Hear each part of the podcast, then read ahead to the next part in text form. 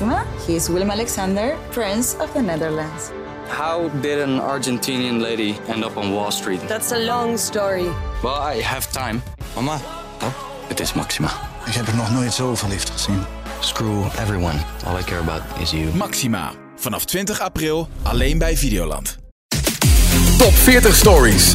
Verhalen uit bijna 60 jaar top 40. Ja, welkom bij weer een nieuwe aflevering van de Top 40 Stories podcast. In deze serie duiken we in bijzondere verhalen achter nummers die we allemaal kennen.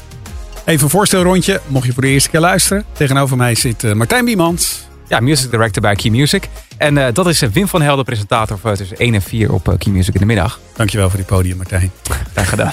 En nu gaan we de muziek op een podium zetten. Ja, zeker het belangrijkste. Want we hebben een paar buitenlandse hits gehad. De Macarena en Nothing Else Matters. En nu gaan we naar eigen bodem. Een Nederlandstalige hit. En het is eentje uit de jaren 90. Blijf bij mij van Volumia. Ik wil jou voor altijd. Ik wil jou echt nooit meer kwijt. Ga niet weg, blijf je hier, blijf je bij me.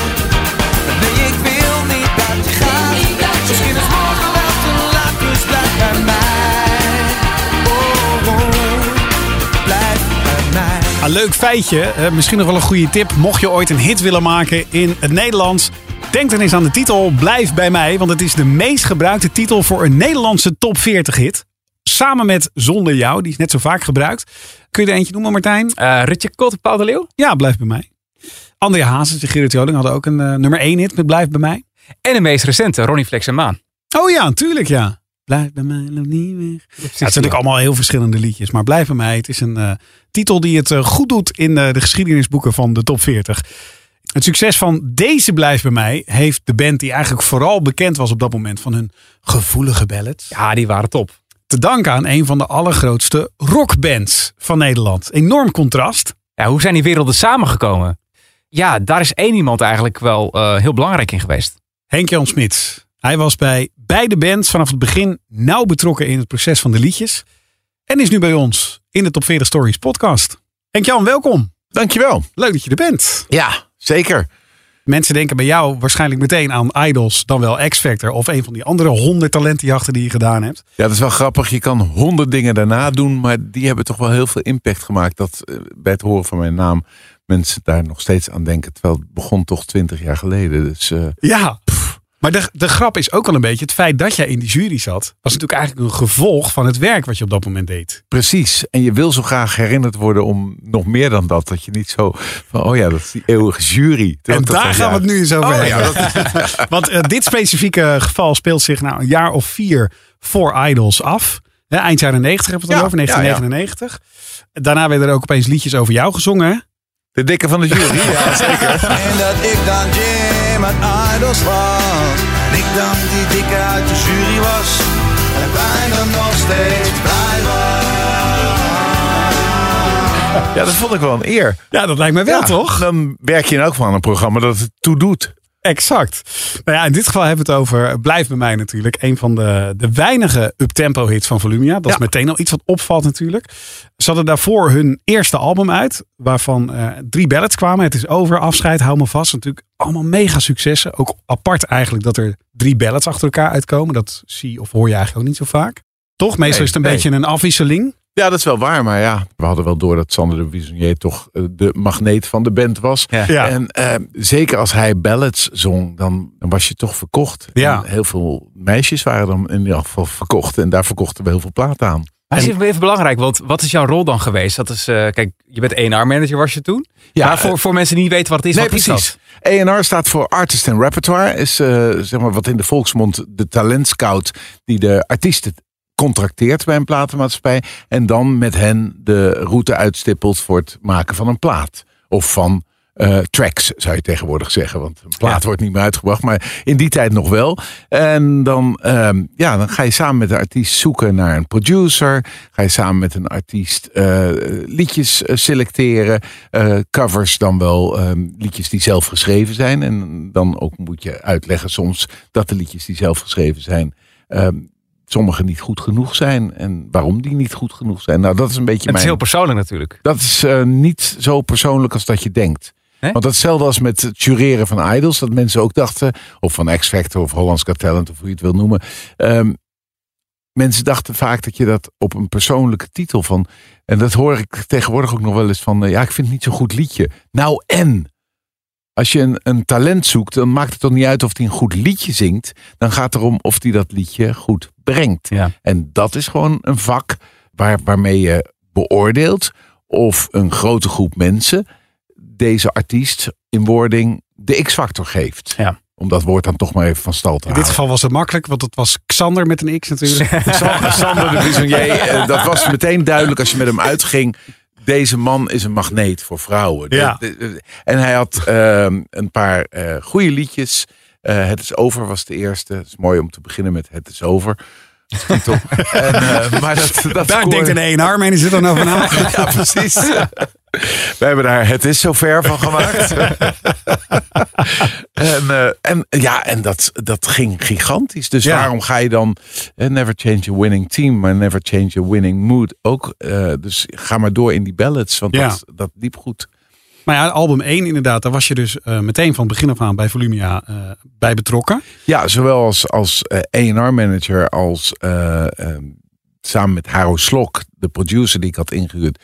Die zei, ja kom maar eh, alsjeblieft erbij in de studio. Dus steeds meer was ik ook als een soort executive producer Ja. betrokken.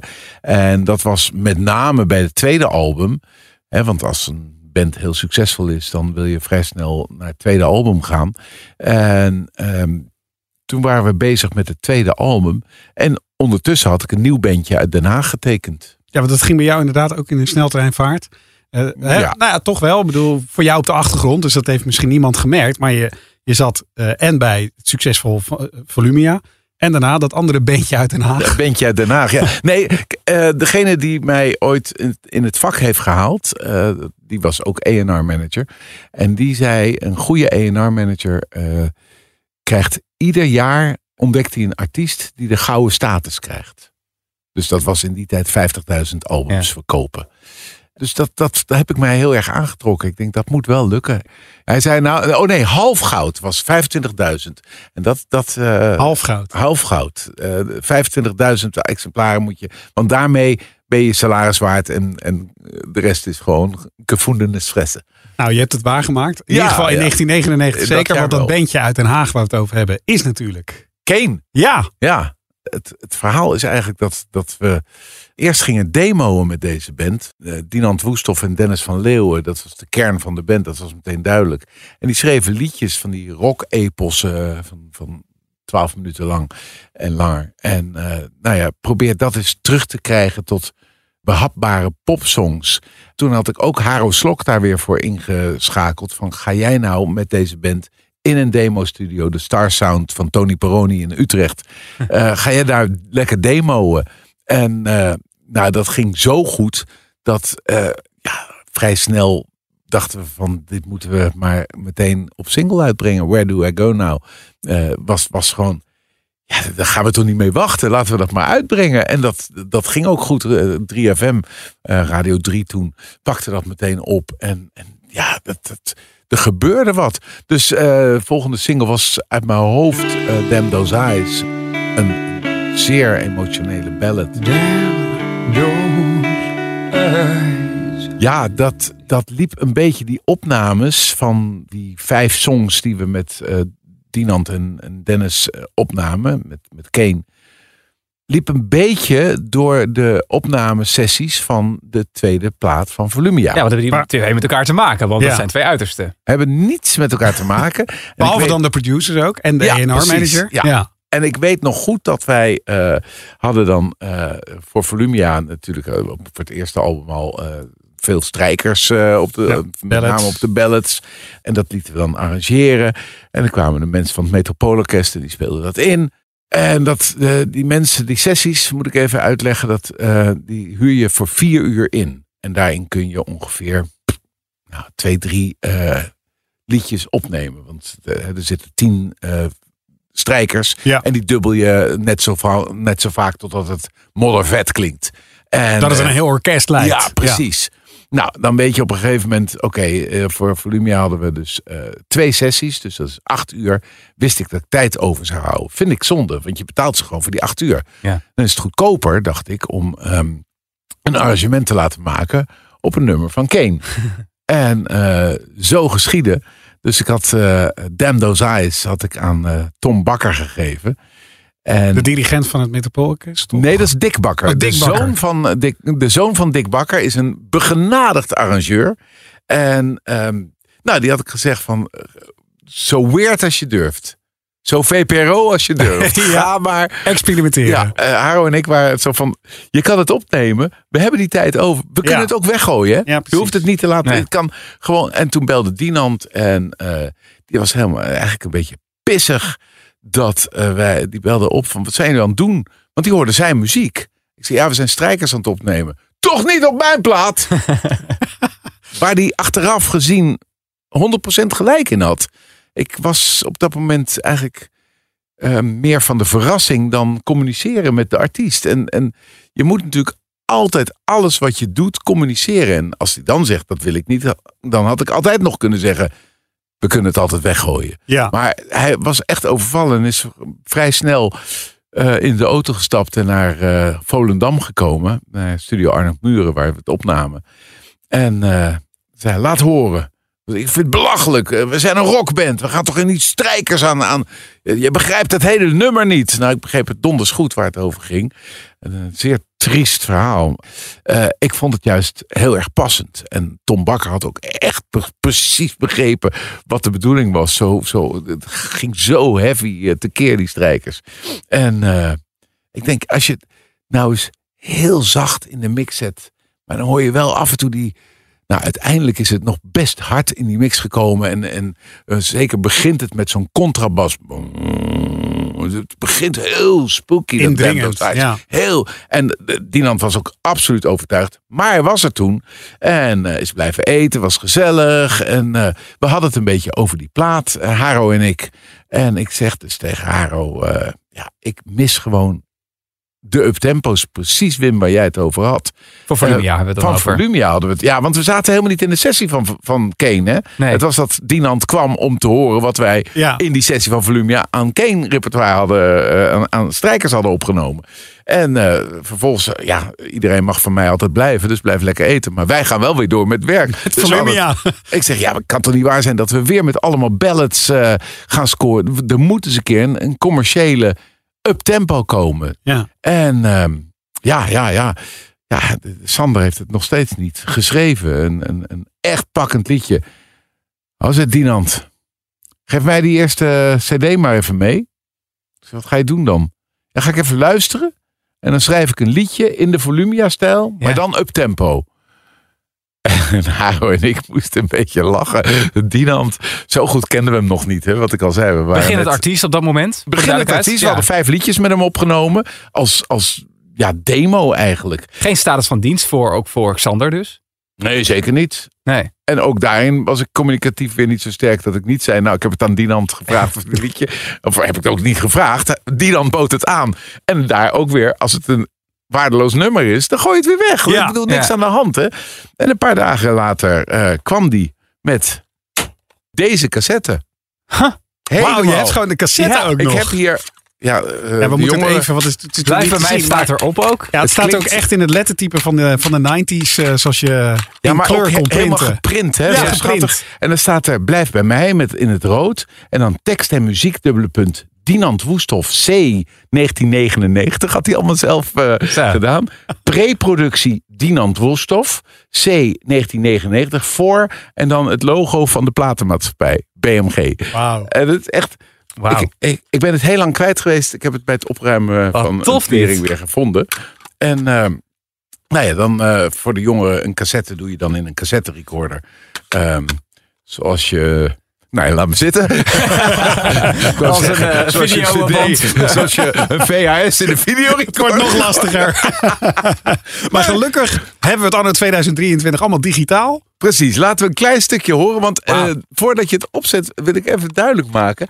Ehm, hij heeft zich, hij heeft dus ehm, die LP goed beluisterd. Die CD, eh, die, die, het album. Het eerste album van Volumia. Eerste Ja. album. Heeft het echt geanalyseerd. Het is een vijfmans band met dus gitaar, eh, toetsen, bas, drums, zang. Twee achtergrondzangeressen en twee blazers. Oké. En daar een uptempo voor.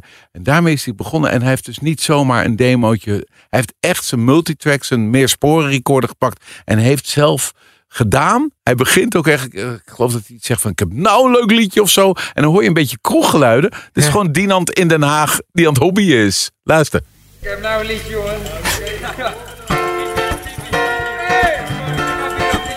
Hij maakt feest.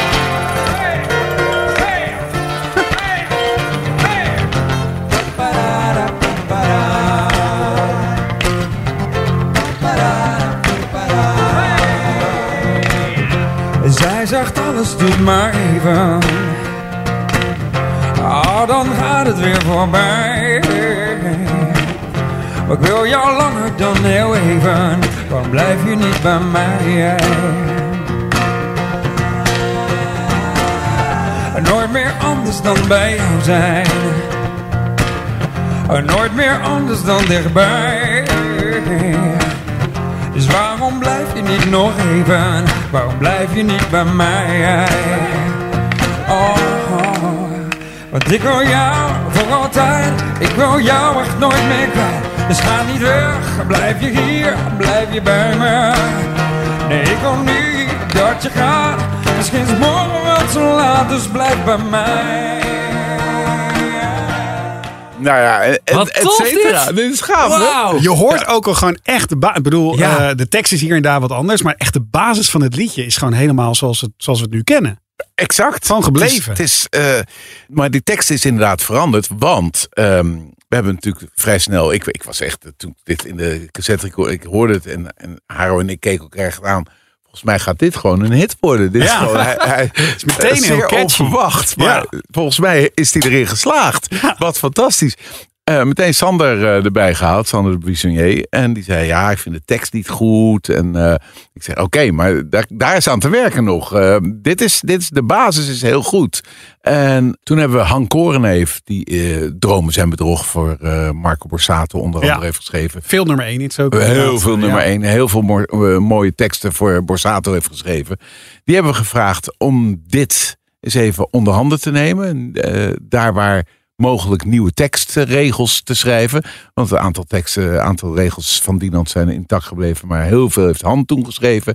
En toen is Sander er nog overheen gegaan. Want die had bepaalde zinnen die hij niet lekker vond om te zingen. Ja. Die heeft toen ook nog een stuk herschreven. En zo ehm, was het liedje klaar. En toen zijn we begonnen met opnemen. Hebben we, hebben we echt dit als basis gebruikt om op te nemen. En wij waren best wel trots met het resultaat. En nou ja, de eerste aan wie je het wil laten horen is natuurlijk de auteur, Dinant, de Ja. componist. Ja, Dus eh, nou, op de bank neergezet, lekker eh, knop op 10 speakers, eh, bijna uit, uit de boksen knallend, full power. En hij begint te lachen. Wij kijken hem echt aan, even, even, even stoppen. Wat, wat zit jij nou te lachen, man? Nee, laat me lopen, laat me lopen. Nou, het hele ding gelopen, laten lopen. Nou, ik vond het wel te gek, maar hij bleef maar een beetje lachen. Ik zei, wat is er nou te lachen? Hij zei, ik heb die hele band geanalyseerd. ehm, en heb gewoon heb koortjes opgenomen. ja Maar dat- ik heb ook de blazers opgenomen. Dat papada, da, papada. Dat was bedoeld als blazersarrangement.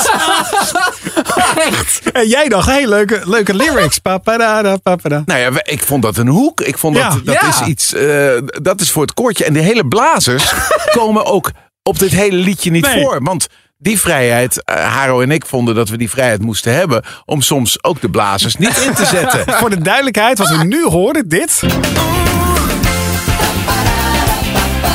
Dat was als Dino bedoeld. Hier zouden dus blazers, hè, trompetten, dat soort dingen.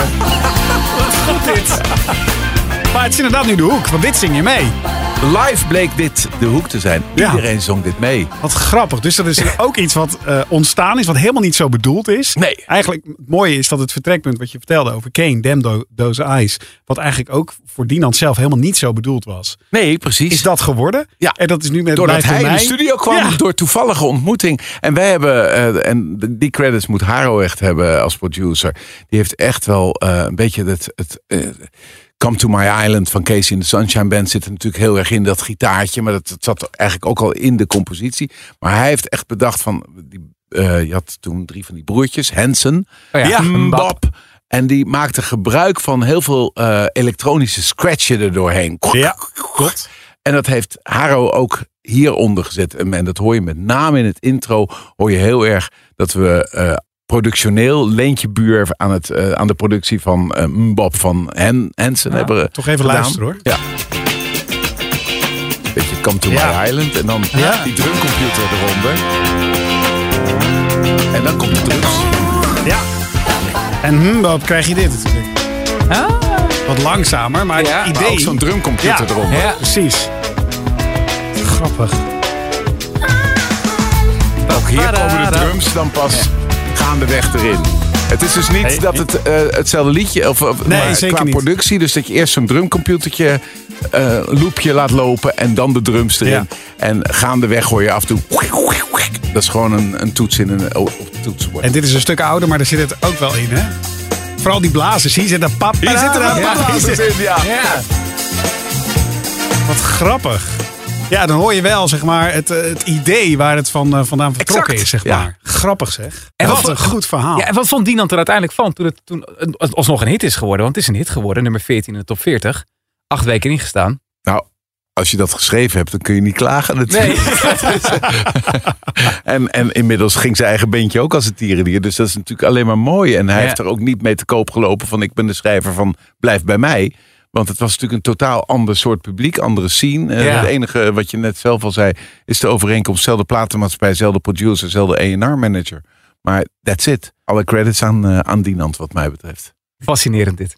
Ja, toch? Ja, zeker. Echt een waanzinnig verhaal. Vooral dat er dan gewoon spontaan dat er dingen ontstaan. Hè, die ergens in de lucht hangen. Ja, En die, dat Ja, komt dan dat- samen en er gebeurt iets. En waarschijnlijk heb je dan ook voor elkaar, na zo'n moment dat je eigenlijk even een clash hebt, ook wel respect. Je denkt, fuck, hij heeft die strijkers aan mijn liedje toegevoegd. Was eigenlijk toch wel een goed idee. Nee, maar ik, ik kan niet het, na, het naam van Dinant. Maar ik heb, ik heb mijn respect voor Dinant nooit verloren. Ik bedoel, een clash kun je altijd, als je, als je nou met elkaar samenwerkt, dan kun je Hoort wel eens clashen. Maar Ja. nee, ik, heb, eh, ik vind, vind wat hij eh, heeft gedaan in zijn leven echt eh, petje af. Echt ongelooflijk. Maar dit is echt door toevalligheden ontstaan. Bob Ross zou zeggen, een happy mistake. Ja, ja. Henk-Jan Smit, super eh, leuk dat je dit verhaal wilde delen in de Top 40 Stories podcast. Ik denk dat dit toch wel eh, uit jouw rijke carrière de eentje is die je nog regelmatig op een feestje is aanhaalt. Van dat blijft bij mij van Volumia. We hebben het nu ook eh, vastgelegd voor het nageslacht, zullen we maar maar, ik heb zeggen. nog nooit een cassette erbij gehad. Nee, dat Ja, niet. Ja, dankjewel voor het meebrengen ook. Echt fantastisch. Heel leuk dat je er was. Graag gedaan. Dit is een productie van Q-Music, het AD en de aangesloten regionale dagbladen. Abonneer je op deze podcast, dan weet je precies wanneer de volgende aflevering online staat. Top 40 Stories. Verhalen uit bijna 60 jaar top 40. De top 40 Q-Music Maxima, he is Willem Alexander, Prince of the Netherlands. How did an Argentinian lady end up on Wall Street? That's a long story. Well, I have time. Mama, Het is Maxima. ik heb er nog nooit zo verliefd gezien. Screw everyone. All I care about is you. Maxima. Vanaf 20 april alleen bij Videoland.